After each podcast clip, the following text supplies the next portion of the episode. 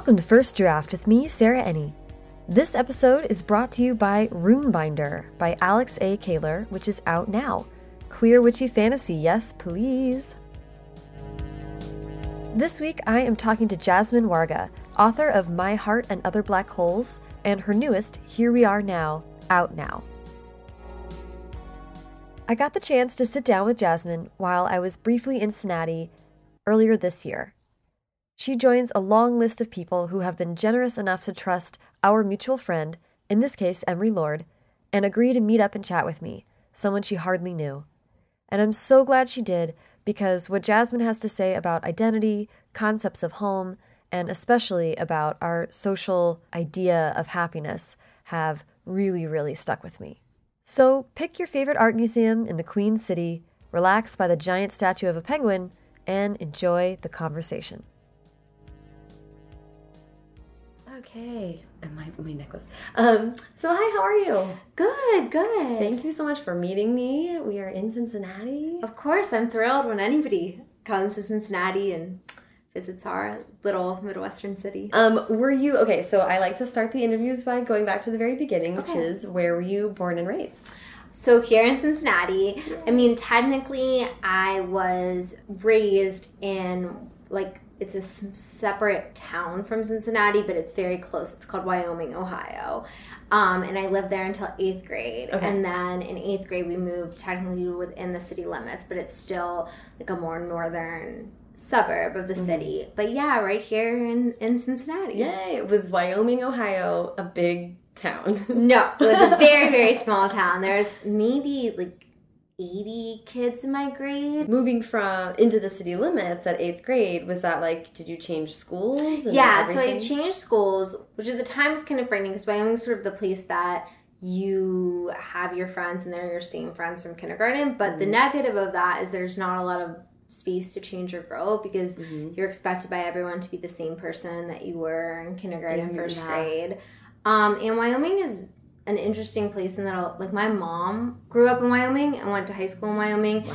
and lots of the people that we knew their parents were like that. So it's just um, the town that lots of people stay and come back to. And, and that has a really special quality to it and also a very uncomfortable quality to it. Right. and my dad isn't from wyoming. He's he's actually an immigrant. And so that was also an interesting experience in that now looking back this is so strange that this happened but every year in elementary school my dad would come in and like do a presentation on like where he was from like jordan because that was just so different Right. um there. And so the school that i ended up at was a lot larger and had more in the way of diversity. Like it's still southern ohio so we're not talking a- a crazy amount but there was definitely there were like kids whose parents were from india and kids whose parents were from, from korea and i think that it was a good experience for me in that i spent so much of my time in wyoming trying to be like identical to my peers and trying to erase this cultural heritage Mhm. and getting to meet other people who were like really into their cultural heritage and it was a part of them they were proud of and they talked about it i think encouraged me to sort of rediscover that Yeah, that's really interesting. Because, yeah, it would be. I can't really imagine that being in a town where, although my mom lives where she grew up, so just, but just being in a town where it's like, not only does everyone, has everyone known you forever, but they've known your mom forever. It's like everybody's like living in this certain way. And yeah, difficult changing, Yeah. deciding to be someone else the next day. You can't really do that. no and especially like your friends parents they knew he were it's just everyone has this idea about you Yeah. and yourself becomes sort of an unchangeable thing from kindergarten which isn't necessarily the most healthy or fair or honest Right. thing so Totally, yeah. And a lot of like that's so interesting, especially writing for young adults. There's a lot of the like concept of self. How much is it what other people are putting on you? How and then you have to fight for your own identity. There's like that's so interesting. Kind of like on a broader scale. Yeah. Um, so how did your parents meet? So my dad, my mom likes to say, was an uninvited guest at dinner party, but actually, so he had met this guy named Moyed through the Middle Eastern Students Association, and um, my mom's best friend from growing up in Wyoming's name was Susan, and she was dating Moyed, and they actually ended up getting married, which is funny too. But Moyed invited my father to my mom's house, so they were like having like a cookout Mm-hmm. at their house. And then I guess my dad quickly realized that he, no one had been expecting him, and then it was sort of awkward. Like it was crashing. and um, and then I think he also liked my mom, and so he always tells the story of how to reciprocate. He took my mom and her brother and everyone else who had been um, at this cookout out to dinner, and he didn't have any money at the time, and basically like used all of his money to take them out to dinner. Uh, to sort of pay them back for that, but yeah, then really uh, yeah, so they met here in Cincinnati. Uh, my dad was uh, in his doing a residency program. here, oh, so- okay, okay. He's is he in medical? yeah, Yeah. yeah, he's a doctor. That's awesome. So he came to Cincinnati, met your mom, and then they stuck around. Yeah, yeah. So we've been in Cincinnati the whole time. I think briefly. So my mom was going to join the foreign service. Really? She's education background was becoming a lawyer, but really I think was interested in international affairs and wanted to join the foreign service. And then she found out that she was pregnant with me. Surprise! uh, so she stayed here in Cincinnati, Ohio, instead of going to the foreign service. So. But she has global instincts. I love that. Um, the um, so what was uh, how was reading and writing a part of your life growing up? I mean, I think that reading for me was just an integral part of my childhood. Like childhood and reading are intertwined to me, and that like mm. I link so many different childhood memories with which book I was reading, and that I mm. lived in these worlds. These characters were my friends. These mm. characters were real people. I imagined like their lives so deeply, and I think it also and it's something I've been thinking about a lot now, having become a mother, of how essential I think fiction is to building this ability to imagine the interior lives of other people. And I mm. think that that's such an important skill as just a human being. Yeah. And I definitely credit my ability to do that in any capacity uh, to fiction. Mm-hmm. And then writing, I think I was always a storyteller. I was not one of those kids who filled notebooks mm-hmm. full of stories, though I do remember writing original plays that I would then try to like coerce like my friends and neighbors into putting on, but it wasn't really like I wasn't writing tons of fan fiction or other things. That I've had lots of um, writer friends say that they did, but I was kind of a compulsive liar in some ways, not like in a malicious way, but I would embellish things. I think that I was interested in narrative and I was interested in imagining things about other people, not in like a, a negative gossipy way, but just like imagining their lives and then would share like facts like that or about me. I liked telling stories. This is something I think I've been thinking about a lot lately. Also, is the difference if there is one, and I think there is, but I feel like it's interesting to hear people's perspectives on being a storyteller versus being a writer. Yeah. Because I think they're they are different skills, and I think you are born having one or the other more, and you have to work on the other. You know? what I mean? Yeah, no, this this is a conversation I have with lots of my writer friends a lot, and that there's such a difference to me between like gorgeous at a sentence level prose Mm-hmm.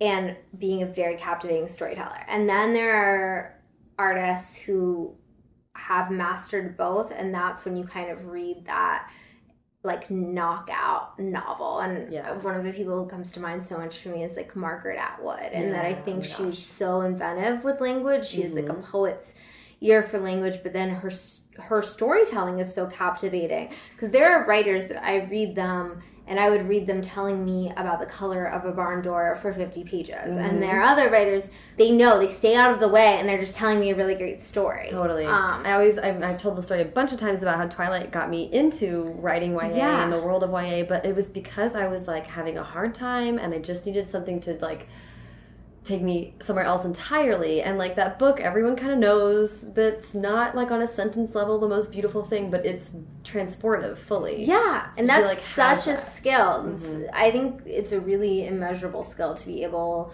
to do that. I mean, there's this adult fiction writer, Elin Hilderbrand, and she's a very like great writer. It's not at all knocking anything at a sentence level, but her books, for some reason, they're all set on Nantucket, and they have been a saving grace for me and like these sleepless nights with a baby where like I'm rocking the baby and I don't want anything too dense. Mm-hmm. I just want something to make me forget that I'm covered in spit up and it's 2 a.m. and I'm probably gonna be up again at 4 a.m. yep. And her her books do that and it's just a really magical thing that again reminds me of being a young kid because yeah. I think those are the stories we remember from childhood that did have that transportive quality. And I think that's why I was have always been drawn to children's literature, and that yeah. that's what I would love to be able to do for another small person. And yeah. I think that's like a form of magic. oh my god, I, I would totally agree with that. And and like the transportive quality we're talking about, it is like the interior thinking that you're talking about as well, the empathetic thinking and the really deep consideration of someone else's life and their experiences. Like, it's sort of like we aren't uh, maybe born wanting to even do that. We're yeah. born kind of wanting to like selfishly survive, right? So when you're a kid,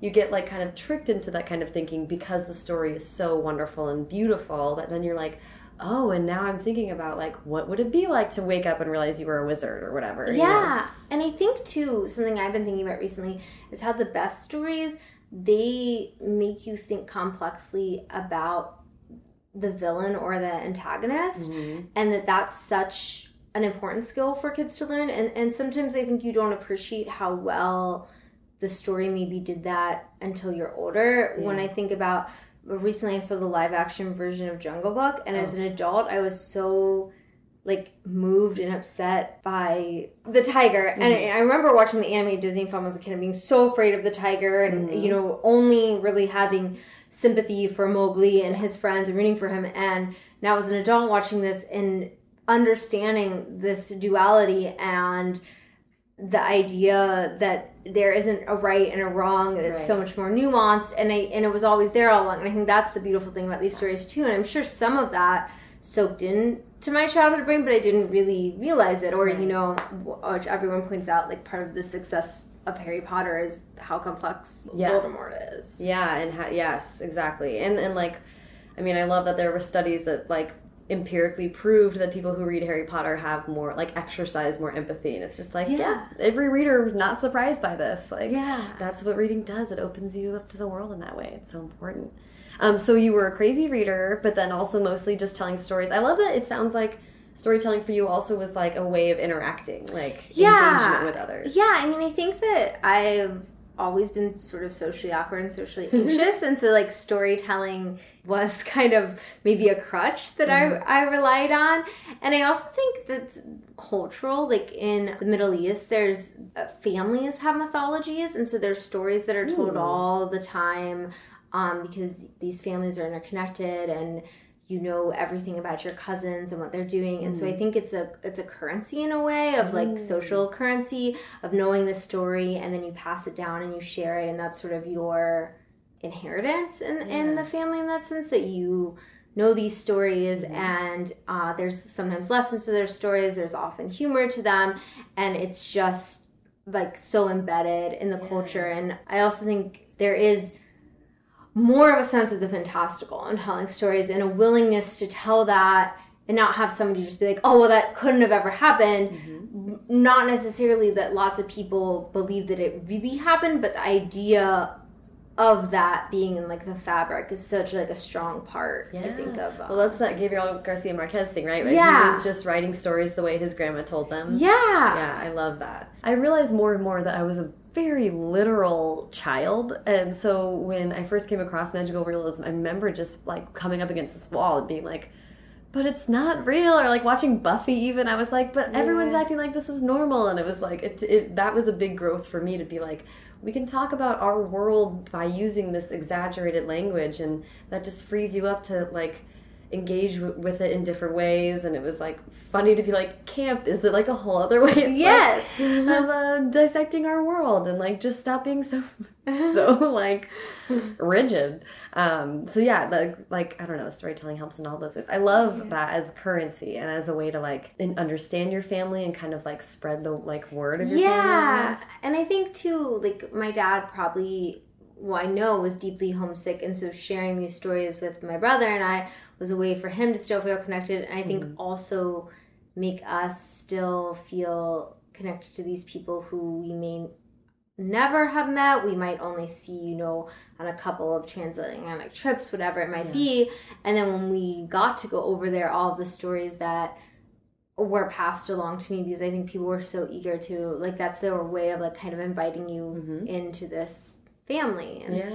so. yeah that's really neat yeah i was gonna ask did you get to go to jordan yeah so we went um, pretty frequently in the summers when i was growing up so we would go for a long time in the summer and we would stay with my uncle who still lives over there and it was just a wild experience because here my mom has two siblings but neither of them have kids mm-hmm. and so i would go over there and i have like 52 second cousins and it would be like these massive lunches with all of these people mm. and not that they get together like that all the time not on that kind of a scale but just that that is like the day-to-day life of like mm. 20 of them rolling 20 deep is not at all yeah. like an odd odd occurrence right right right yeah it can be i was um my family moved around a bunch so it was just the four of us most of the time like thanksgiving and stuff was real small so every time i go to family gatherings with people that are like where it's like all the backyard is packed with people and it's like we're related to all of them and everything's loud and crazy. I'm like, yeah, no, I mean it's funny because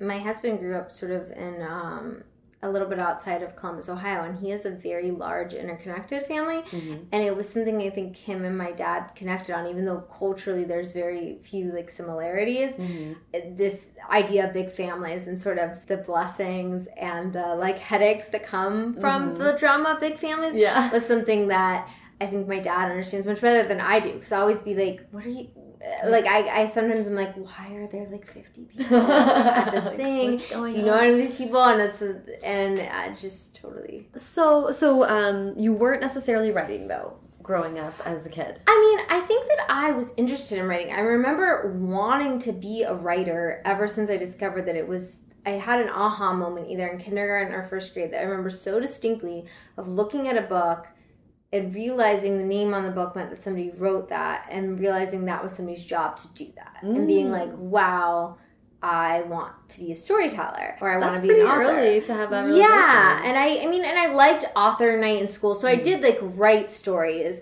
but it was more like when we were prompted to mm. write them for school and I enjoyed writing them but I wasn't like seriously trying to write a novel at eight years old in right. the way that I, I now recognize lots of my writer friends were doing that. Yeah. Um, that seems wild to me always. I'm always yeah. like, wow, some people were really on top of it early. But even realizing that books were written by human beings, you yeah. were like ahead of me. I was like, well, I didn't know any adults who even really had like creative jobs. Mm-hmm. I mean, I guess one of my friends' parents sort of she worked in marketing, I think, but what like she painted on the side oh, for herself. And I think she was a good influence for me to just see somebody who's doing that. But you know, all the rest of the parents that I knew were either like doctors, they worked at Procter and Gamble, mm-hmm. or you know, they had really professional type jobs. And I think that was definitely like what my parents' expectation for what my career should be was something yes. more in line with that. Yeah. So. so so then you were sort of like on that track kind of like lead me through going to college and So I went to college and I really I knew I wanted to be a writer but I didn't really like own that and so I sort of like skirted around with different things in liberal arts like my father kept being like you can be a doctor and there's lots of choice in being a doctor because you can pick which specialty that you want to do and so and if worst comes to worst, you can be an engineer. And so I graduated and I still didn't really know what I wanted to do. And so I postponed the decision longer. And um, what did you graduate when I have a history and art history. Okay. Cool. And then I did an alternative teaching program where I got sent down to Texas and I was teaching science. And mm. it's kind of scary, but in Texas, like if you have a marginal amount of science credits from college that you did decently in, I guess, and you had a certain ACT score, you're like qualified to teach to science. Teach science. Interesting.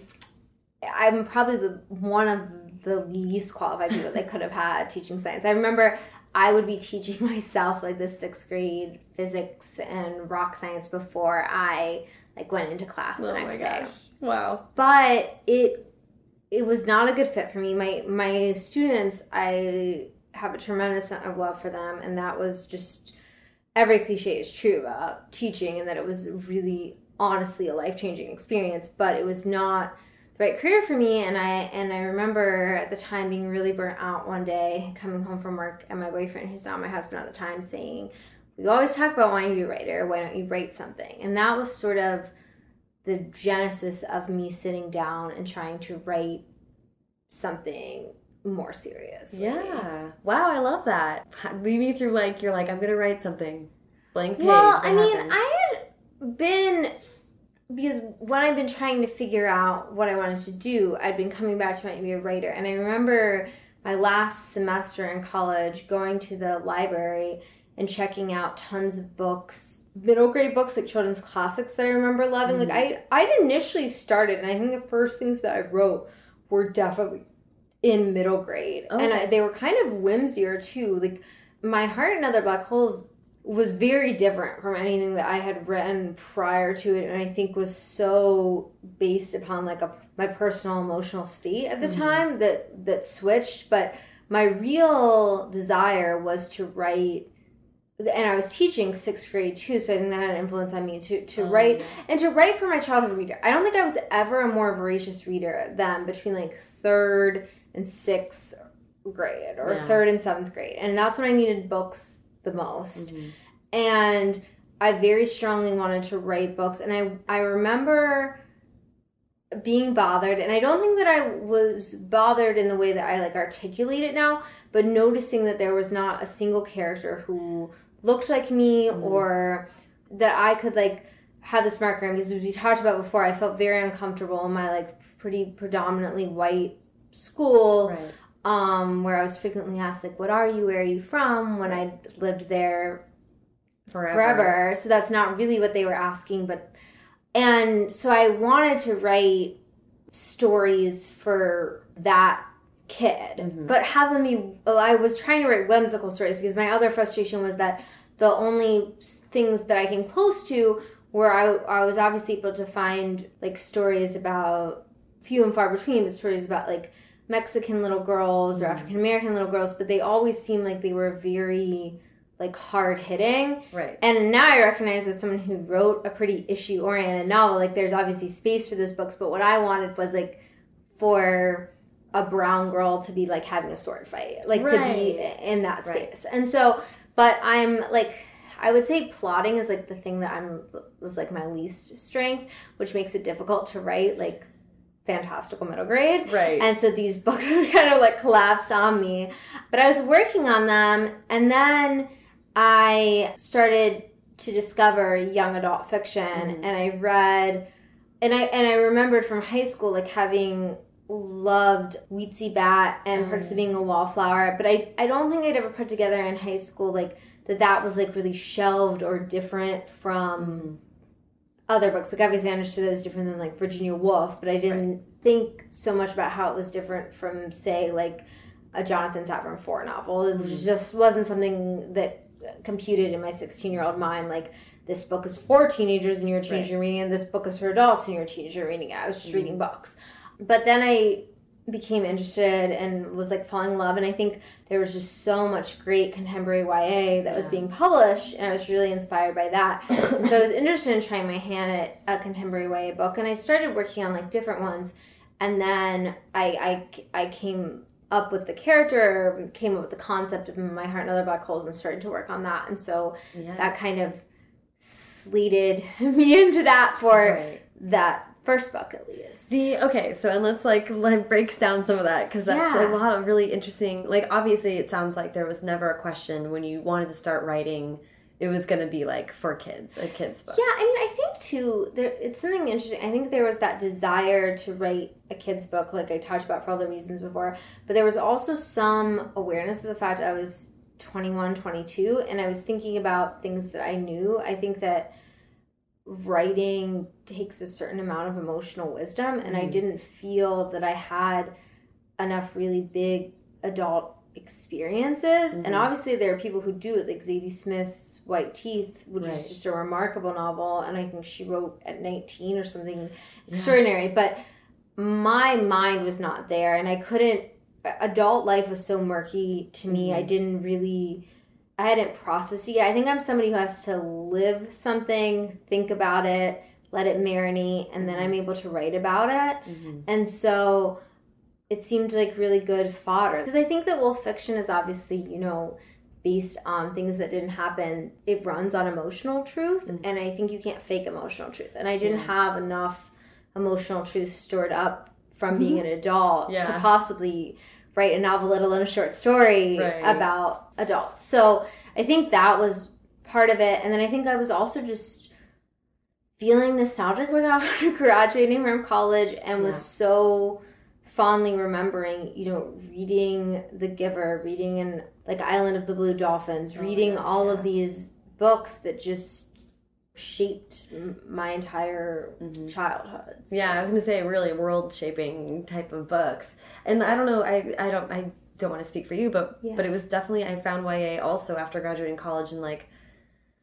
there was a huge degree of it that was like this is so scary. Like there's no rules now. I'm really on my own. I mean, everything was changing, and I was panicking to keep up. And there was a lot of like, I want to read about like when your crush was like the most important thing you were gonna deal with all day, and it was really like looking back was like deeply comforting and and like living in that space and getting characters in that space and i'm the same where i was like i understand who i was as a young person i feel like i can get in that headspace again it felt like just freeing in all these ways Yeah, and I think that it was.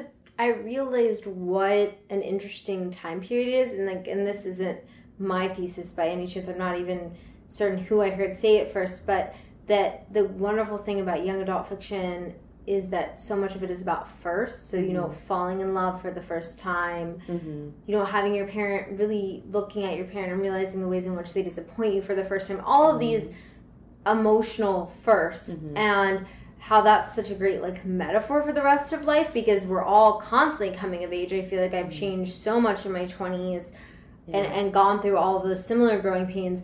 But in narrative fiction, it works so much better if it's the first time the character is going through this. There's something really immediate. Um, I think I was so drawn to the immediacy. Yeah.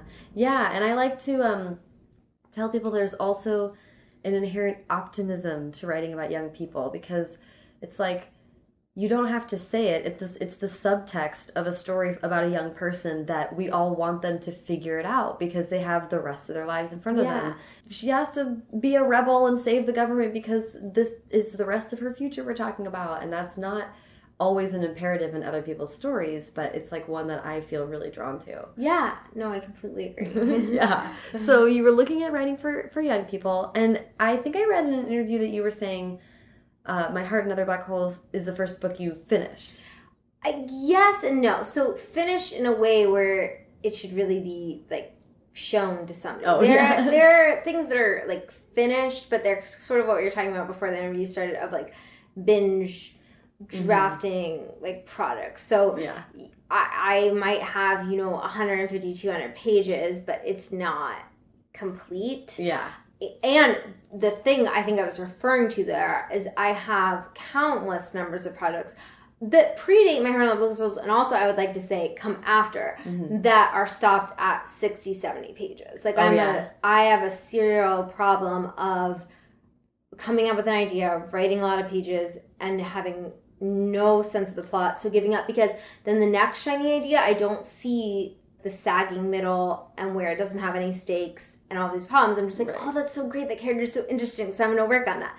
So I have lots of um, projects that are saved like that that sometimes I'll go back and I'll be like oh like I like this again. And then I'll get to that and I'm like oh that's why I like quit because where do you go from there? So I always think that like I know that a project has legs once I get to about like page 50 and I have some mm-hmm. sense that there's still going to be some momentum Yeah. like going Yeah. forward. I love that. Like at 60, 70, you're like, okay, make or break. Yeah. Are we in this or what? That's that's the the depths of the middle, the really hard part. I'm also not great at plotting.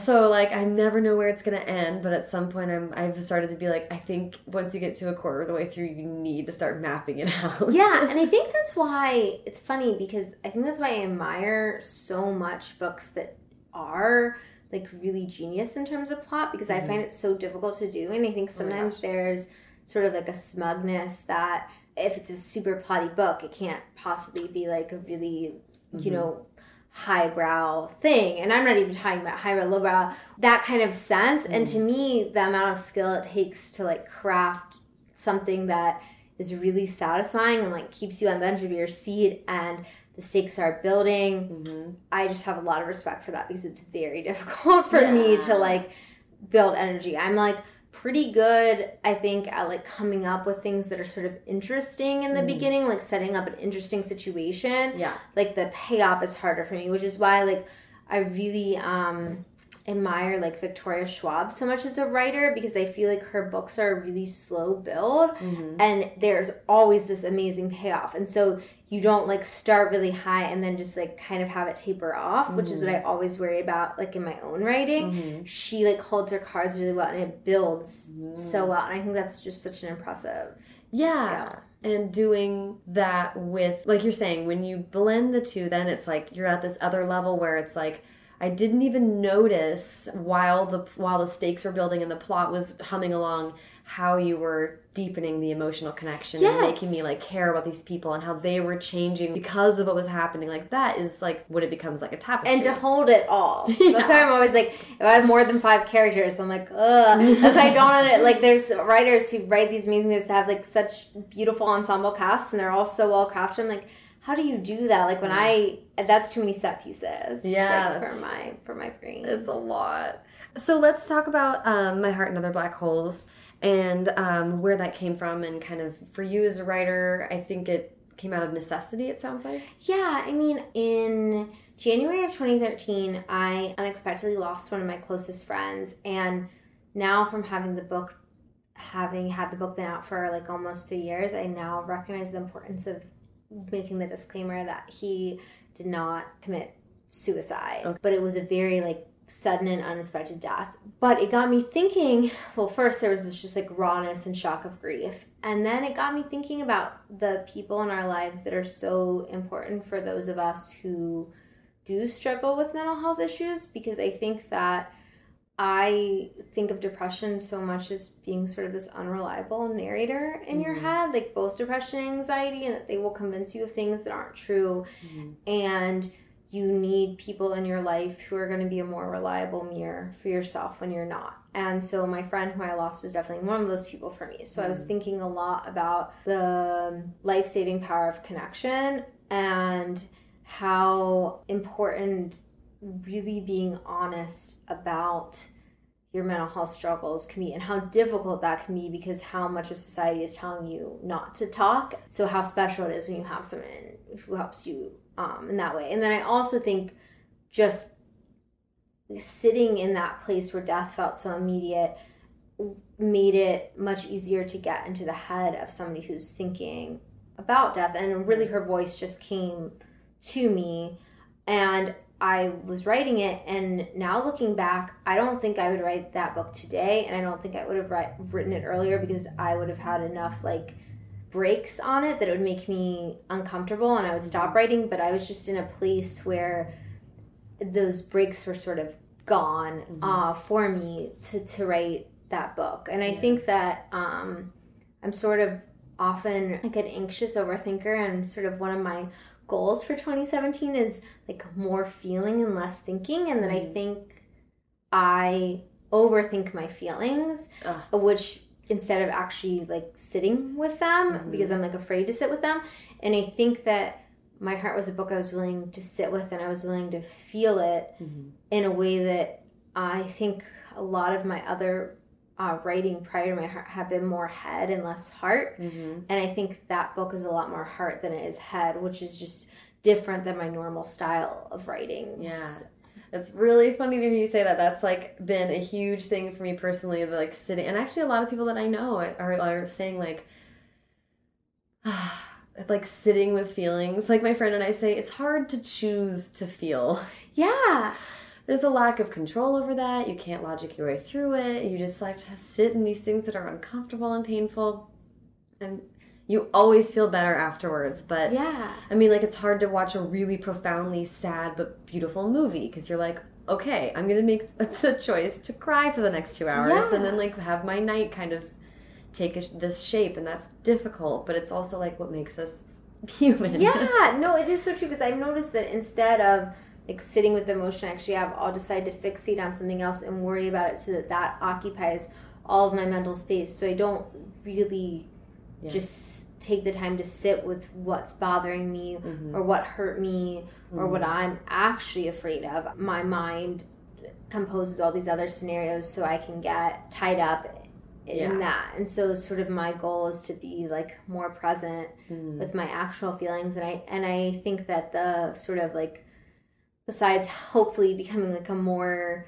functional human being mm-hmm. it will also um, be beneficial to writing and that i think sometimes it can be difficult to write if you're just constantly overthinking and and that's always been a huge problem for me but in those months following losing my friend, it wasn't because your guard just falls down in yeah. sort of moments like that. Yeah, yeah. Well, that's, I mean, that's really striking to me that the book came to you in this sort of like haze, like this fog of feeling. And it almost sounds like it was a little bit of you trying to like maybe save yourself a little bit or just kind of a survival yeah. tactic. And I think to write my way through grief and to think about because I was consuming these questions of like what happens to us when we die? What does it mean to die? What does it mean for the people in your life if you die? Like all of these sort of big, weighty philosophical questions that I don't think about on or hold space for mm-hmm. on a normal day basis because they're too big and they're too scary. Yeah.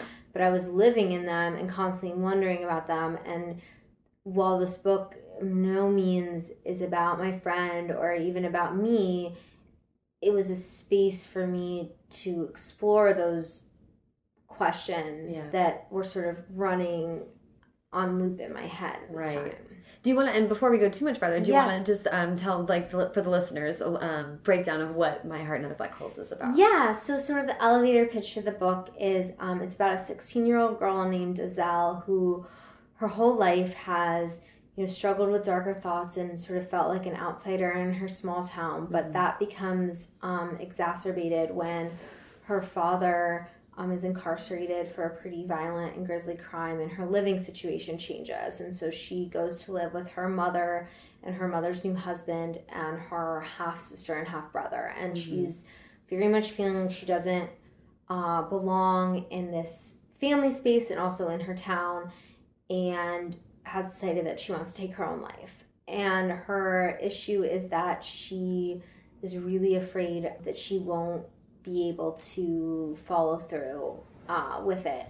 And so she goes online and ends up connecting with a boy who lives a few towns towns over who is feeling similarly to her. He has his own a family tragedy of his own, and they end up connecting. And the book kind of explores the ways in which their feelings about life and views change from actually having someone who they can really be honest with about what's going on mm-hmm. inside their head. So to me, at the crux of it, it's about what I talked about earlier about how depression makes you an unreliable narrator and about those meaningful connections where you're really being vulnerable and honest with other people. Mm. So I think it's a book about like friendship more than yeah. anything, but like the really tough parts of friendship and what it means to like because I think that sometimes your friendship is the most vulnerable relationships. I think like lots of times romantic relationships are based in friendship, but I think that like having friends even, you know, I'm thinking about in grade school to high school just how they hold your secrets and how much you trust someone. It's just a very vulnerable yeah. adolescent experience. Yeah, and and connecting like that where it's like beautiful but scary. Yeah. So the um so, and I love that you mentioned the unreliable narrator. And okay, so and you said that you have anxious thoughts. Are you do you suffer from depression? Yeah, well? so I have like I've been diagnosed with panic disorder, so I have pretty like severe anxiety which can take on like a flavor of depression. I think that probably in my teenage years I suffered from like actual depression, but for me it's always been linked to anxiety, mm-hmm. um, which in the book, Aysel really doesn't have anxiety. She has what I would call clinical depression, and mm-hmm. Roman has situational depression. Mm-hmm. But definitely um, there's a history of sort of depression in women on like my father's side of the family and so Mm-hmm. i think it's a disease that i understand even though it was never really openly talked about Right. And and because you're saying unreliable narrator and as someone who is writing a story where the main character Yeah. suffers from this, it's a real challenge to build a narrative with someone and, and also telling an accurate story about someone with mental health.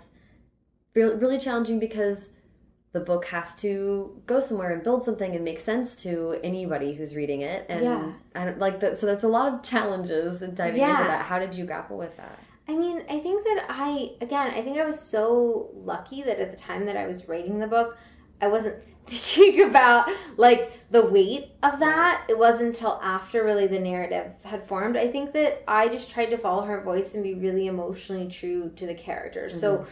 what I always tell readers who respond positively to the book as well as negatively is that I really meant to tell just a singular story. This is mm-hmm. one girl's experience with mental health. And I think mental health is such a large thing and it's not monolithic. Mm-hmm. And the way everyone experiences anxiety and everyone experiences depression is completely different. Yeah. And so it's not meant to be, you know, a textbook study. Obviously, we really wanted it to be responsible, and my editor helped me to find a, a psychiatrist who, you know, vetted the book and read the book for all that kind of those things Yeah. but at the same point it's also uh, just a singular narrative and so what was most important to me was it being emotionally true to Aysel and not that it would be representative of the widest Right. uh, group of people Right. Well, I'm interested to hear because the book the book was so well received, and I mean, like, I mean, people love this book, responded so strongly to it, and I'm wondering if you know, it seems like it's a book that was born out of something something you sort of were like a mission to help yourself and Mhm. grapple with the issues. What was it like then to be greeted with everybody else being let in? I remember having extreme anxiety the month before the book came out of not realizing, like being so thrilled because it had always been my dream, obviously, to see a book on the shelf with my name, but also being, oh my god, anybody who is seventeen ninety nine can buy this book, and then also being like, I hope they buy it, but I hope nobody reads it. Yeah, like yeah. that was my thinking Yeah. of like, I hope they buy it because I want my sales to be okay so that I can continue to do this amazing thing. But I really don't want anyone to read it. yeah. And then I was really went through a really hard time that I felt so lucky that lots of people were reading the book that my inbox was flooded with messages, but also very overwhelmed by them that I I felt that I couldn't like respond to them or read them and that they made me I didn't feel that I was like the correct person to be hearing like I I can't I'm I'm not a guidance counselor, I'm not a therapist and I also I was sort of um like I was newly pregnant and I remember just feeling really emotionally overwhelmed Yeah. and so I took a break and didn't answer and I haven't answered reader email in a long time. I, I wrote a post on Tumblr trying to like explain why and say how thankful I am for every message and I am so thankful to anyone who reads the book and anyone who connects with it and these really really powerful stories but a lot of them I haven't been able to read. There's lots of like I can kind of tell in the mm-hmm. inbox. It's just it's difficult, and I know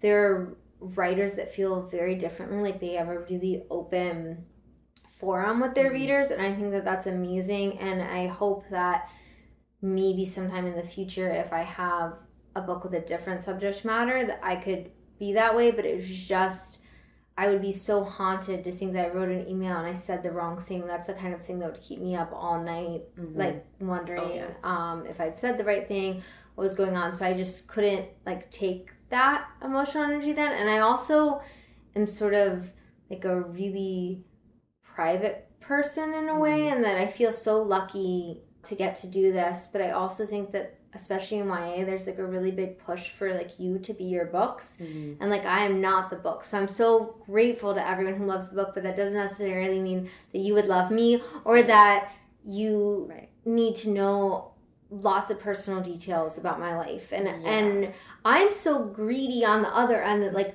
I'm obsessed with Zadie Smith and I want to know everything about her. And I'm obsessed with Junot Díaz. I want to know everything about him. So I'm not like knocking that impulse. I mm-hmm. understand it.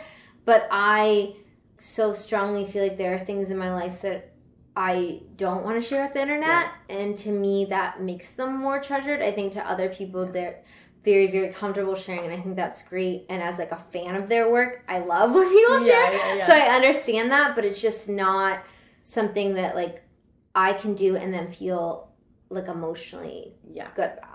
Yeah, and the, and the reason I'm asking is because there's been a few other writers I've spoken with who have written books that are really personal and and about really intense things. And every, every one of them says the same thing. Like like they weren't really ready to be uh, writing is so much about putting something out there and thinking about it and, and so personal. And then to have like a flood come the other way where like we're not like most of us aren't like guidance professional you know mental health Yeah. professionals. We're not we're not people who are really like equipped for that. One so wonderful and amazing to feel like you that you reached somebody but then and especially when your book is about something like suicide or people who are dealing with something that's far beyond your capacity to over an email Yeah. be able to make a real difference. It's like it's something that i don't think everybody who wants to write realizes that this comes with the territory. Yeah, and I think you never want to disappoint someone because I remember like how much it would have meant to me to get back a letter, and so I'm hoping to sort of figure out you know how to have a balance. And I so admire my friends who have these like really great relationships with their fans, and they're like very active, and they mail Mhm. things, and they do all these things. But I um right now don't feel like I have enough like emotional energy or sort of spoons to yeah to yeah. do to to do that but um I- totally like understand the reader impulse and i'm so touched and like deeply deeply moved by yeah emails and letters and all of that and i'm so grateful I'm, i think all of us feel it, it's a wonderful thing to be read like Yeah. i'm so grateful to anybody who who does read the book but at the same point i'm also like i like to pretend that nobody has read the book because for like my sanity Yeah, there's so much. I totally relate to that. Like, okay, and then let's never talk about it. Yeah. Well, that's how I, I told um like my personal friends like you can read it, but I don't want to talk about it. Yeah. And they understood. I was just like, I don't, I, and I don't want to have that forced conversation of you telling me, oh, it's so good, blah blah blah, yeah. or uh, you, anything. Yeah. I was like, I want to pretend like it doesn't exist. So I don't want to. I don't want to like make you talk about Yeah. um a book that came out a while ago, Forever. No, but fine. oh, but I, okay. There's one last thing that that really struck me, um, in an interview that I read with you talking about my heart and other black holes, where you said you were talking about her journey and that ultimately, um, I, I'm paraphrasing, but that you kind of had her realize that the point of life isn't happiness but meaningfulness. yeah, And I was like, what? Like, I, I read that and was like, oh my God, I've been thinking about it so much because, like, four days ago, I watched the Tony Robbins documentary. okay, He's, it was amazing. It's called I Am Not Your Guru. And I don't know what I expected, but I, like, he, I don't know, it, like, was this really, like, powerful thing. And I was, like, sobbing. yeah, Like, me and my cat. I was like, this is supposed to be a documentary on Netflix. And now I'm, like, losing my mind. But he was talking to two people who were mother and daughter, and they were hashing out some stuff. And the mom was like, I don't know, I just I'm working really hard to try to make her happy and he was like, Stop right there. Happiness isn't the goal. He was like, Peace isn't the goal of a family.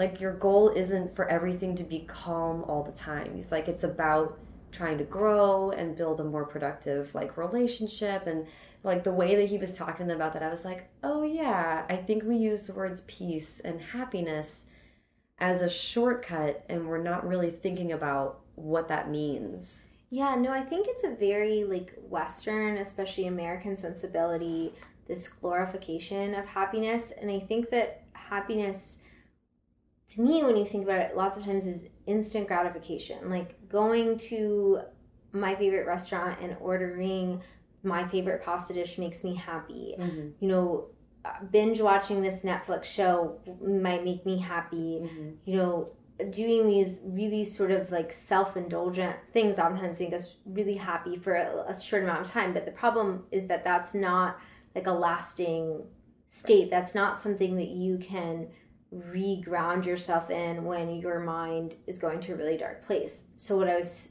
trying to express in that quote is that meaningfulness, like finding things in your life that are really tough, but matter and can ground you, can give you roots, to me is much more important of a quest than finding happiness. Yeah. And perhaps to other people, the way they use happiness is to express the idea I just did. So it could be an argument about, you know, semantics. Right. But I think about the fact that waking up, you know, every two hours in the middle of the night does not make me happy. Right. But being a mother, you know, has brought my life so much meaningfulness. You know, when you have a really intimate relationship with another person and they disappoint you, that doesn't bring you happiness. But as you learn to work through that and express that and become stronger together, and because the relationship is like grounding to you, hmm that creates meaningfulness in your life. And I think we have this culture that wants to present, you know, perfection and ease. And that's, I think, really damaging, especially to those struggling with mental health, because then they think like that everyone is in that euphoric state all the time. And I don't think that's true. And I mean, I think it's, there's a lot of you know people who are so much like wiser uh, than me that are writing about these kind of things but about how you know learning to be like a more vulnerable person actually is going to like bring your life more calm and Yeah. rootedness Yeah. which isn't the same thing as happiness but it's i think actually what people you know are seeking because when Right. things start to spin out of control for me i reground myself in those things in my life that really really matter to me and they're not the things that I love, like going to a matinee movie. That Right. makes me very happy. That's an indulgence and getting a slushy, and I love it. Mhm. But that's not something that's going to calm me when I'm having a panic attack in the middle of the night.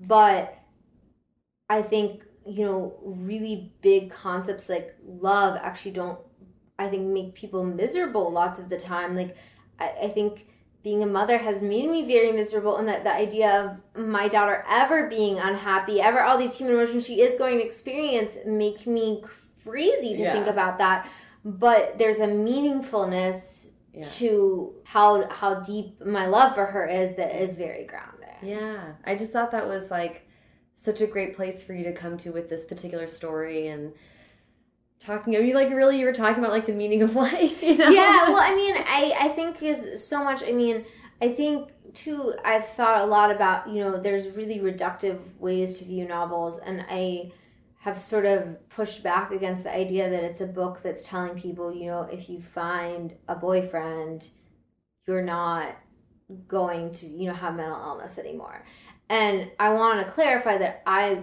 strongly believe in the philosophy that every reader interpretation is correct and how you read a book hmm is your right and also is correct in your reading. There have been books that I've read completely differently than other friends, and I Mhm. think that that's again the magic of fiction. Mhm. But for me, that was definitely not the crux the crux of the novel Right. and it's about like learning to find meaningfulness and actually opening up and being vulnerable and Yeah. that's it and i and i stand by that the book is about human connection and i don't necessarily think that that is a magical pill for everyone who suffers from mental illness but for me in particular human connection is so grounding and Mhm. life saving. And so, again, getting back to something I mentioned earlier in the interview, that sort of idea of it being like a singular narrative of this Right. isn't, you know, every person.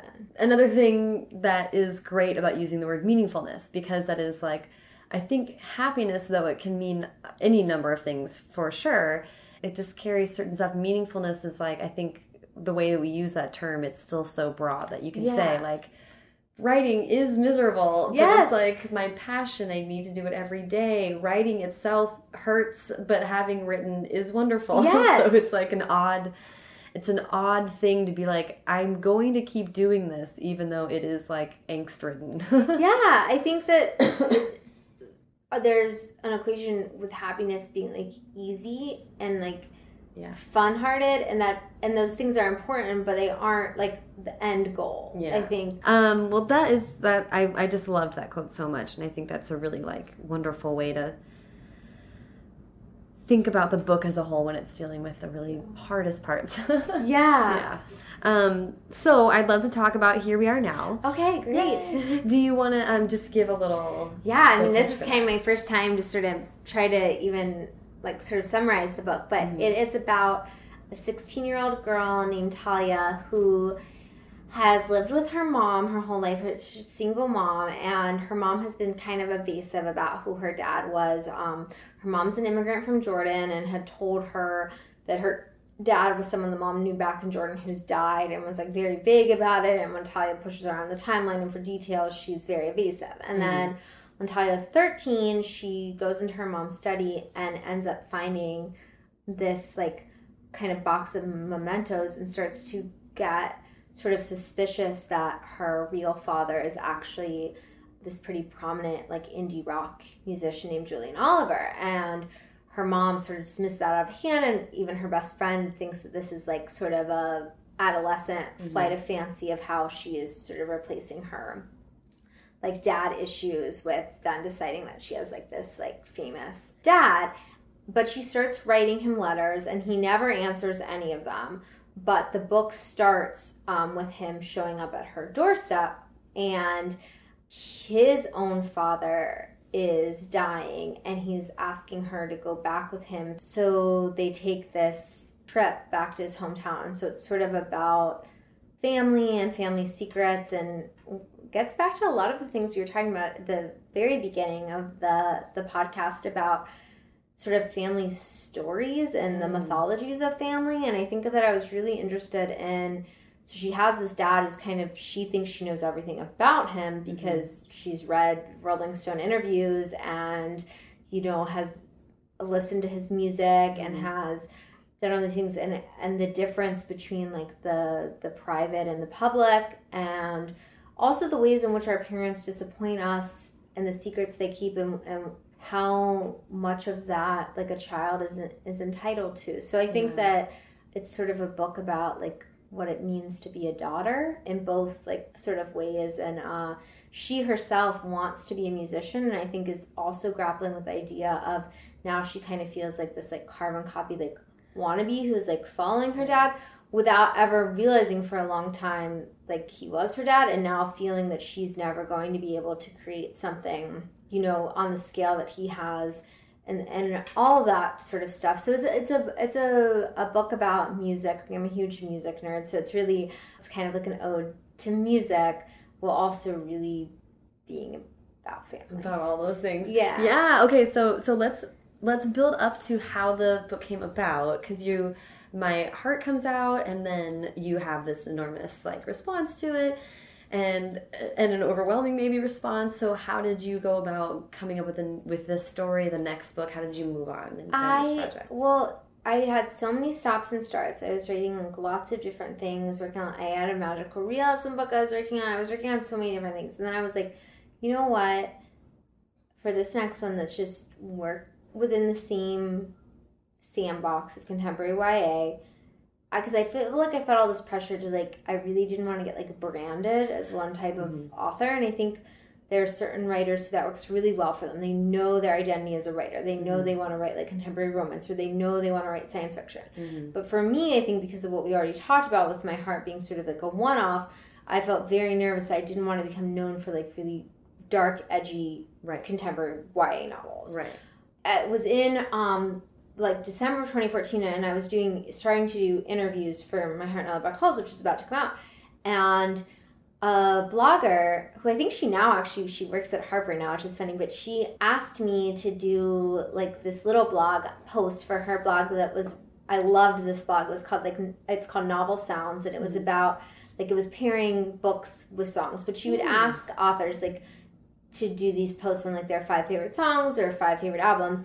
And so I did like my five favorite albums from being a teenager. And that was the most fun I'd had writing in a, such a long time doing that post. So I was like, I should write a book about music. Yeah. Like this Like, something's here. This brought joy back to writing for me. It just came to me. I was like, my biggest adolescent fantasy would have been if Conor Oberst had shown up at my doorstep, like Yeah. after having read like a fan letter. Mm. So the book started with it just being like a fan girl who'd written and then this musician shows up.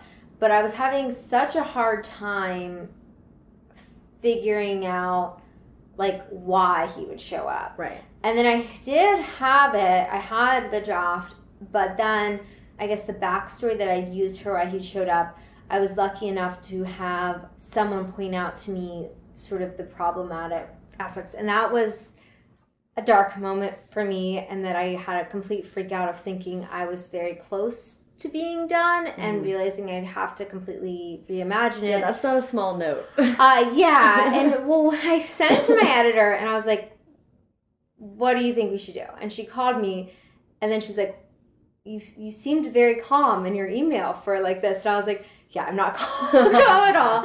And so we sort of you know, played with different thoughts, and we had a way to fix it as it was with mm-hmm. him still with this fandom relationship. Yeah. But as I started to work on it, it just wasn't feeling right to me. And then I was like, it just came to me that, well, what if I change their relationship? Like, what if this is more than just her admiring his music? What if there's like some other tension here? Yeah. And so I ended up totally rewriting the book because of that. But it was a gift in a way that I think it up to different like narrative possibilities that weren't there before. Yeah. And I think that I was really interested to being a new mom to mm-hmm. talk about like what it means to be a parent. Yeah. Well, and what's what's I think so interesting to me is thinking about the how the story would be different if it was kind of more about a super fan coming to grips with like the reality of their idol, I guess, icon, Yeah. whatever. And the correlating of that to a parent is so smart. I love that. And then also the idea of the tension between being a fan and then realizing that this person is a fallible relative to you. I don't like there's so many layers to it now. when you add that in. yeah. Really no, I mean. I think that I was really curious about like how much kind of stake you would feel Mhm. over these songs, and then I started reading lots of interviews with like Frances Bean Cobain, Oh, and. I was just very interested in what it would mean to have a famous parent you didn't know anything about them but you knew them through their art because i'm also very interested in whether somebody's art is necessarily a great representation Yeah. of them as a person and whether that's fair to assume you know somebody there are writers that i love musicians that i love that i feel like i know them because i know their art so intimately Mhm. but i have no idea who they are as people and i and i'm also really interested in the way like creators disappoint their fans in that way and i don't necessarily think that disappointment is Is is, fair or bad because what we were talking about before like a writer is not their books and i don't think a musician is their songs but and the complicated nature though of now she's wondering like which of these songs that she loved were about her mom and, and all of these and how that makes her see them differently. So Yeah. i think um it was kind of a way for me to like i, I liked like creating a fake band and creating fake songs so that's kind of what got me into the project was the Mhm. because i was trying to make writing fun again yeah. and then i kind of burrowed my way into sort of the emotional current Yeah. Oh my gosh. Okay, things that you just talked about, I could talk about for a million years. like every single thing about all this is super fascinating to me. We were just talking about this a lot about how when you are like say disappointed by like when your favorite band comes out with a new album and you're like, "Oh no, like Yeah. this isn't what I wanted. This isn't my my thing." But like now it seems like a lot of people who are big fans of something can go right to the artist and say, "You disappointed me." yeah And first of all, like whatever that impulse is, I don't know. That's that's kind of wild. But I remember being a kid and like it that wasn't my impulse at all. It was more to be like, does everyone else feel this way? Yeah. And to like maybe write out how I feel about it, talk to friends about it, and then that's what makes you grow as a creative person. Like, why did it disappoint me? What was I hoping for? How is it different than that? Like, what's going on with them? That this is what where they went. Like, to me, it feels like culturally somewhat we are starting to undercut the true purpose of art. Yes, exactly. Well, one of my favorite movies, which this book was obviously the at least the seed for it was inspired by, is Almost Famous. And I mm. think what makes the movie so brilliant is that William is so deeply disappointed in Russell as a person, but at the end still respects him as a musician and admires him as a musician. And I think we're kind of sort of culturally starting to lose that line. And I would never speak for anyone else or tell them because I, I there are certain things where I understand uh, people are like I can't uh, watch that anymore because I know this about this person. Right. But I always find that so interesting of like if somebody a movie star or a director will say something in an interview that disappoints somebody from like a philosophical or a political place Right. that then suddenly that negates all all of their work. And it's Right. just an interesting it's an interesting thing for me. And and i think that line is, is different for every fan but i was sort of interested in sort of what that would mean if you were the daughter of that person who had admired their art. And now does their art change because of how you feel about them as a father and how you feel about sort of what they've how they've been a father and sort of what they've done to your mother and Mhm. and all of all of those like kind of things and then there's i guess there was a weird interplay too in that so her mom is from jordan Mhm. and her dad is white and i think there's so many stories that are just very important stories about sort of rediscovering uh, your cultural heritage like the other way so it might be like Oh yeah. you're raised by like a white uh, mom, but your dad is Jamaican, or you were raised by a white mom and your dad is Lebanese, or, or vice versa on, on the parent's gender. Mhm. Um, and then you go to that country, or you meet them, and you meet this family, and, and you have this cultural awakening. And I was sort of interested in what it would mean. Like she very much like presents as a brown girl. She feels. I mean, from being biracial, I like. I feel that too, and that that's sort of my stronger cultural affiliation is sort of with the culture that I feel I present as Right. because that's how I've been treated or Right. asked to speak to.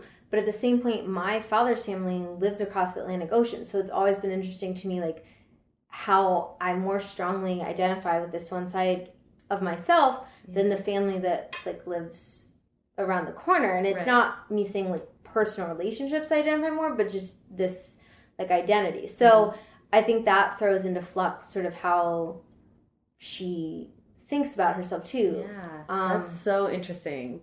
Yeah, and I mean the thing about all these things, especially the the race stuff, is I feel like it's it's there, but the book isn't about that, and that's Mhm. another thing that I feel kind of strongly about, and that I think that there's a place to have characters, uh, minority characters or um, uh, characters of color, where there's not a big like description of of their culture mm-hmm. and how they feel about it for the reader. Because i think that expectation is never on like white characters to do that. And i remember being a little bit frustrated when my Heart and Other Black Holes first came out, people were like, "Well, I would have liked to know more about her being Turkish." And I was just thinking to myself, you know, the book isn't about that at all. I think it's in there, but I don't think it was on her as a narrator to necessarily explain every in and out of that Right. when I was in her headspace in a different way. I think she thought about it when it would be normal for her to Mhm. think about it, but it wasn't like a novel of um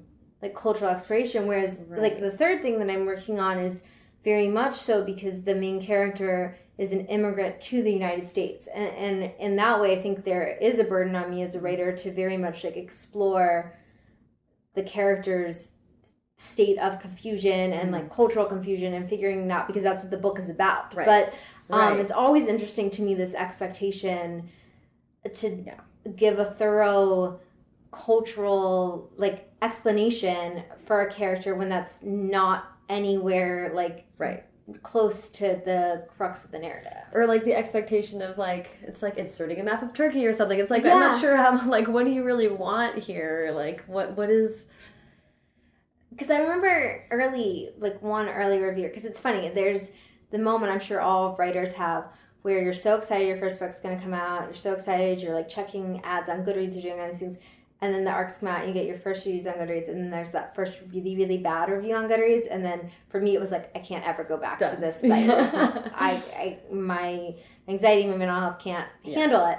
Um, but the review was there was something in it about why is she even Turkish? And I remember that bringing up so many feelings I had as like a girl like being asked about my identity and I just kept thinking like why does there need to be an explanation yeah. for why but they're they found the book to be disappointing to them because there was no reason for it to be Turkish, which is just such an interesting thing to me of like how we're so coded to read books that if it's going to be like a minority character, there has to be a strong narrative reason for them to be, Yeah. as opposed to she just is. being a statement of fact. Yeah. about the story. It's like that Mean Girls quote, like, "Oh my God, Karen, you can't just ask someone why they're white." Yeah. like, why do we need to like? Come on. exactly. Yeah. That that is that's so interesting, and and yeah, I mean, I hear very often and what you said earlier about um, being like i just want a brown girl swinging a sword. Like i hear that from people who are lgbtq and and other it's like we want there to be a wide array of stories featuring a lot of different kinds of narrators like and it doesn't have to be the crux of it it doesn't have to be relying on that the whole time but it can just be like listen let's talk about people we all see every day in our lives I've been thinking about a lot recently is I want there to be space for there to be really flawed brown characters and that I mm-hmm. feel like there's this like fear and I and I feel it in myself too, especially with the political climate we're in now, like writing about Middle Eastern or Muslim characters. Right. That there's this like fear that if my character has this thing that it's gonna be seized on Right. because of the culture of prejudice that we're in. But I think that the more like stories we have, the more opportunities there are to just write really real stories about real people because Yeah. there's that making characters like just flatly great people Mm-hmm. isn't first isn't enjoyable in a narrative. Right. And also isn't realistic and it also doesn't you know I, i've been really deeply thinking about the ways in which social culture in jordan is like disappointing to me as like a feminist. I want to explore that and what that means for like my female cousins over there. But i also want to do it in a way that isn't this like western american perspective of everything here is better and everything there is worse Right. and it's because of this and that but i think there's room for like nuanced critique and to expose flaws and to talk about them in a way that is but i'm like so afraid of contributing to this other conversation that i very much don't want to be a part of so Right. well well okay and, and kind of aligned with that a little bit is when she goes with her dad to really like explore that Mhm. part of the family she has never been familiar with before yeah then how that also changes her relationship with her or her perception of her mom, mom. yeah and it strikes me as it's kind of kind of like breaking my heart even thinking about it because like the mom who put in all I mean who stayed who did the work is the single mom and and then like once her child is out of the house like then she's like no I'm not perfect but I try you know like it's so Yeah, tough. no, I mean, in a, a large way, I think it's about the ways people that we love disappoint us. Yeah. And that I think, especially as a child, your impulse is to idolize your parents, and then you Mm-hmm. They're the start first to realize, yeah, and then you start to realize the ways in which they disappoint you, and so you push back at them, and then I think you come to love them even more because of how flawed they are, but how hard they tried yeah despite that. yeah And so I think she's kind of having that moment of realizing first, this person she idolizes, it's two people she idolizes in different ways her Mhm. mother as a mother, and then this rock star who happens to also be her father, but she idolizes a fan. And so I think it is the way, the it's kind of about the dangers of idolizing yeah anyone and that we're all flawed. super flawed. Those expectations are are are setting us up. Yeah, I talked I talked about this recently to my therapist because I was like, I really deeply want a Gandalf to exist. Yes. you know, I want there to be someone who's always going to know the way and always has the answer, and that's and I find myself searching for it all the time, and it's an impulse that I think everybody shares, but it's like. This isn't a good place to start from. Like when we're talking about relationships with people, we can't make, we can't hope for that because that's never going to be true. And I have to kick back against my own impulse to do that to my friends who are like such better, wiser people than me that I will idolize them Oh, and put them on pedestals. And then I realize sort of the emotional pressure Totally. of doing that uh, to them. Yes. So to, to give everybody sort of space. to- It's so to- true. The, yeah, when you when you find the, the friends who are sort of your chosen family as a grown up and being like, oh right, right, right, like they're just people too, and they can't be here for me in every at every moment. Yeah.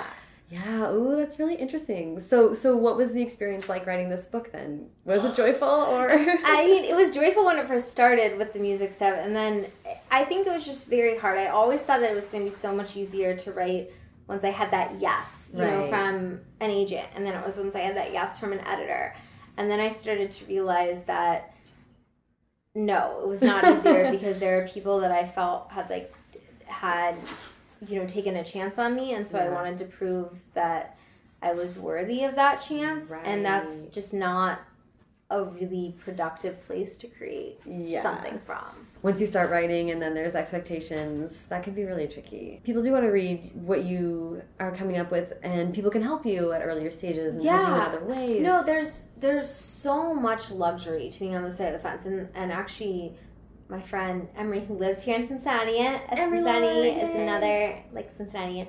She always wisely says like none of us would ever choose to go back to the other side of the table. Right. So we're talking about like all of the challenges associated with it, but yeah, um, it's like the new reality. That yeah and yeah. just like learning learning to handle that i think Yeah. again i had this idea that i was just going to be like running through this like field of flowers yeah, and yeah. writing is hard all the time regardless Yeah, always.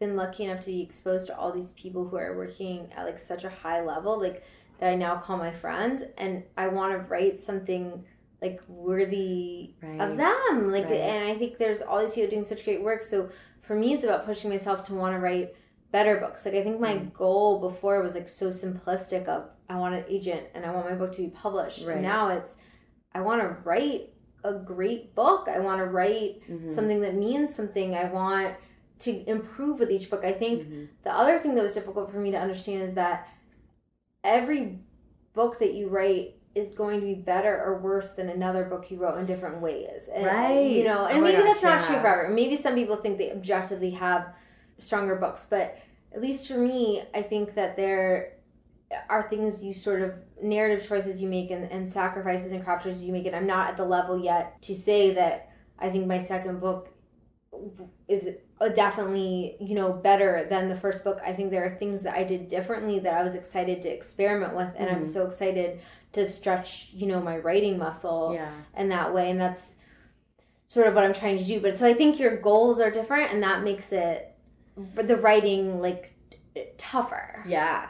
I, I, I've been thinking about this a lot because it is like when you're at the beginning of a career, it's different than being like, I just need the one book to break through, and then and then it's really difficult to know what it's going to be like on the other side. And looking at it as a career, I was talking about this with a friend in the context of of musicians because she was being very. I'm grateful that she was so candid with me, but she was saying like, I have a book out there that I don't like, and that I wish it wasn't out there and it never felt good Yeah. and I just turned it in and finished it because the deadline came. yeah But she was saying that she felt grateful for it because it's like if you love Beck, then like you've gone through several iterations of Beck, Yes. and you he like fail is not the right word, but he is more or less successful very publicly. Like you get his new album and you're like, this one wasn't for me. I'll catch you on the next one. you know and and that's exactly my hope is that like for people who you know really enjoyed my heart that even if, if here we are now doesn't work for them that they'll you know try maybe like my next book or mm-hmm. vice versa for people who my heart didn't light them up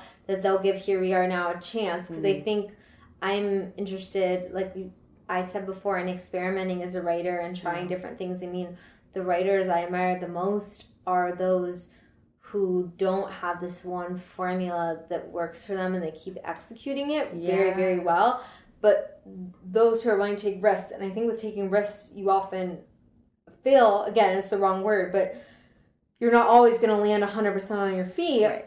but you're going to have such an interesting body of work and you're going to um, have written so many different types of stories and you're going to stretch yourself as an artist. And that's what i'm always wanting to do is sort of stretch like my creative muscles and try things that are different and feel scary Yeah, I love that. The um, I love to, and we're talking about writing anyway, so this kind of segues Mm-hmm. Yes. perfectly to wrapping up with um, advice for Yeah. for young writers. I'd love to hear. Um, I mean, kind of your the advice you just gave is really wonderful for people who are like in it as a Mm-hmm. career. But what about people who are just starting out? I think reading that is the best way to learn about story. With my heart and other black holes, I was lucky enough uh, to get to go on tour for the book, and one of the authors who was also on the tour was uh, Victoria Aveyard, and she Mhm. comes from like a screenwriting background, Mm-hmm. and she was asking me, like she was talking about plotting because she, I think, used a certain like outline that had certain beats that came from movies or something about it. We were discussing on a panel, and I was so confused at what she was saying. And she was like, "Well, I think you just you do know these things because I was like, oh my gosh, I, I was like kind of like having one of my like fraud moments of feeling like, what am I doing up here? I have no idea what these people are talking about. They're so much more professional than me. And she made the wise point that anybody who reads enough actually knows all these things, whether you know the technical Right. terms for these like plot beats. Right. But I think that reading stories helps you to like inhale and learn how to like live and breathe like the structure of what makes a satisfying story Mm-hmm.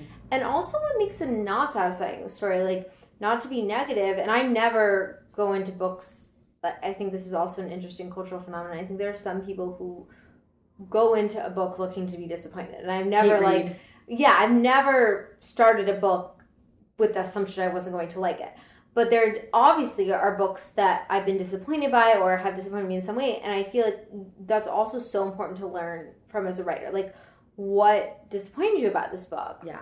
And also then to see other people's reactions to it, because I books that have super disappointed me are like people that I love and admire so much favorite books. Right. And so I think learning subjectivity early on, it's easier to understand subjectivity when people are talking about someone's work that is not yours. And so I think that once you can learn that, that's a really good skill to sort of help you like survive in this industry. Yes. Oh my gosh. Um, Internalize that and then you can use it for yourself. Yeah. But reading, whenever I get stuck, you know, on this thing I'm working on now, I got stuck a little bit and then I was just, the voice wasn't working for me and I mm-hmm. didn't know where I was going.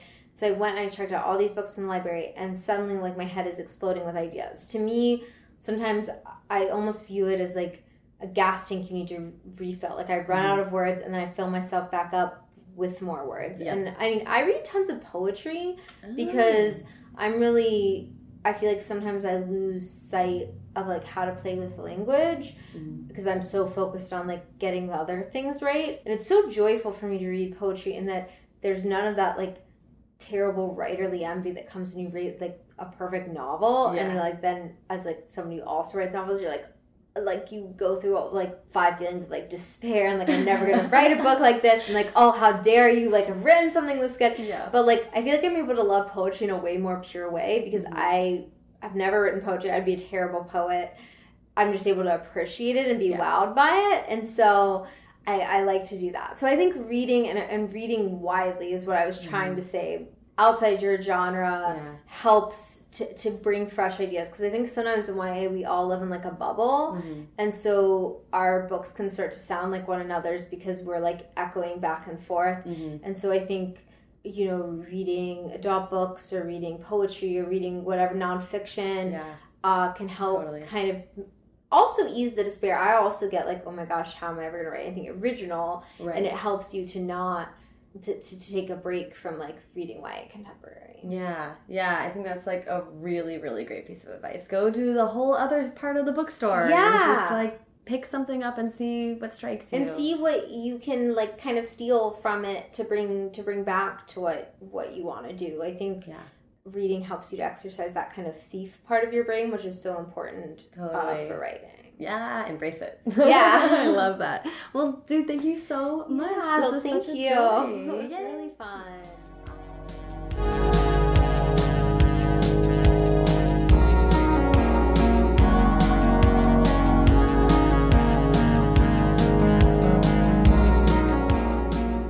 You so much to Jasmine. Follow her on Twitter at Jasmine Warga, and follow me at Sarah Enni and the show at First Draft Pod. You can follow the show on Instagram and Facebook too, but for links to everything Jasmine and I talked about in this episode, as well as a searchable archive of previous interviews, and to sign up for the First Draft newsletter, be sure to check out firstdraftpod.com. It's all shiny and new, folks. You gotta check it out. Again, if you have any burning questions you'd like to hear me and or some author friends address, send them over in an email to questions at firstdraftpod.com. It's that time of year again, and I am putting together another first draft calendar featuring the most inspirational quotes from this year's episodes. I'm opening up a vote to determine which quotes will make it to the final calendar. Look for the link in the show notes to this episode, or on Twitter or Facebook, or in the First Draft newsletter. Be sure to vote for your favorite quotes from the year, and stay tuned for your chance to pre order a calendar very, very soon. If you like what you heard, please leave a rating or review on iTunes. Every five star review makes me feel neither bad nor good, but they are indeed quite meaningful. Thanks to Hash Brown for the theme song and to Colin Keith and Maureen Goo for the logos. Thanks to super intern Carter Elwood and transcriptionist at large Julie Anderson. And as ever, thanks to you, secret spawn of world famous rock stars, for listening.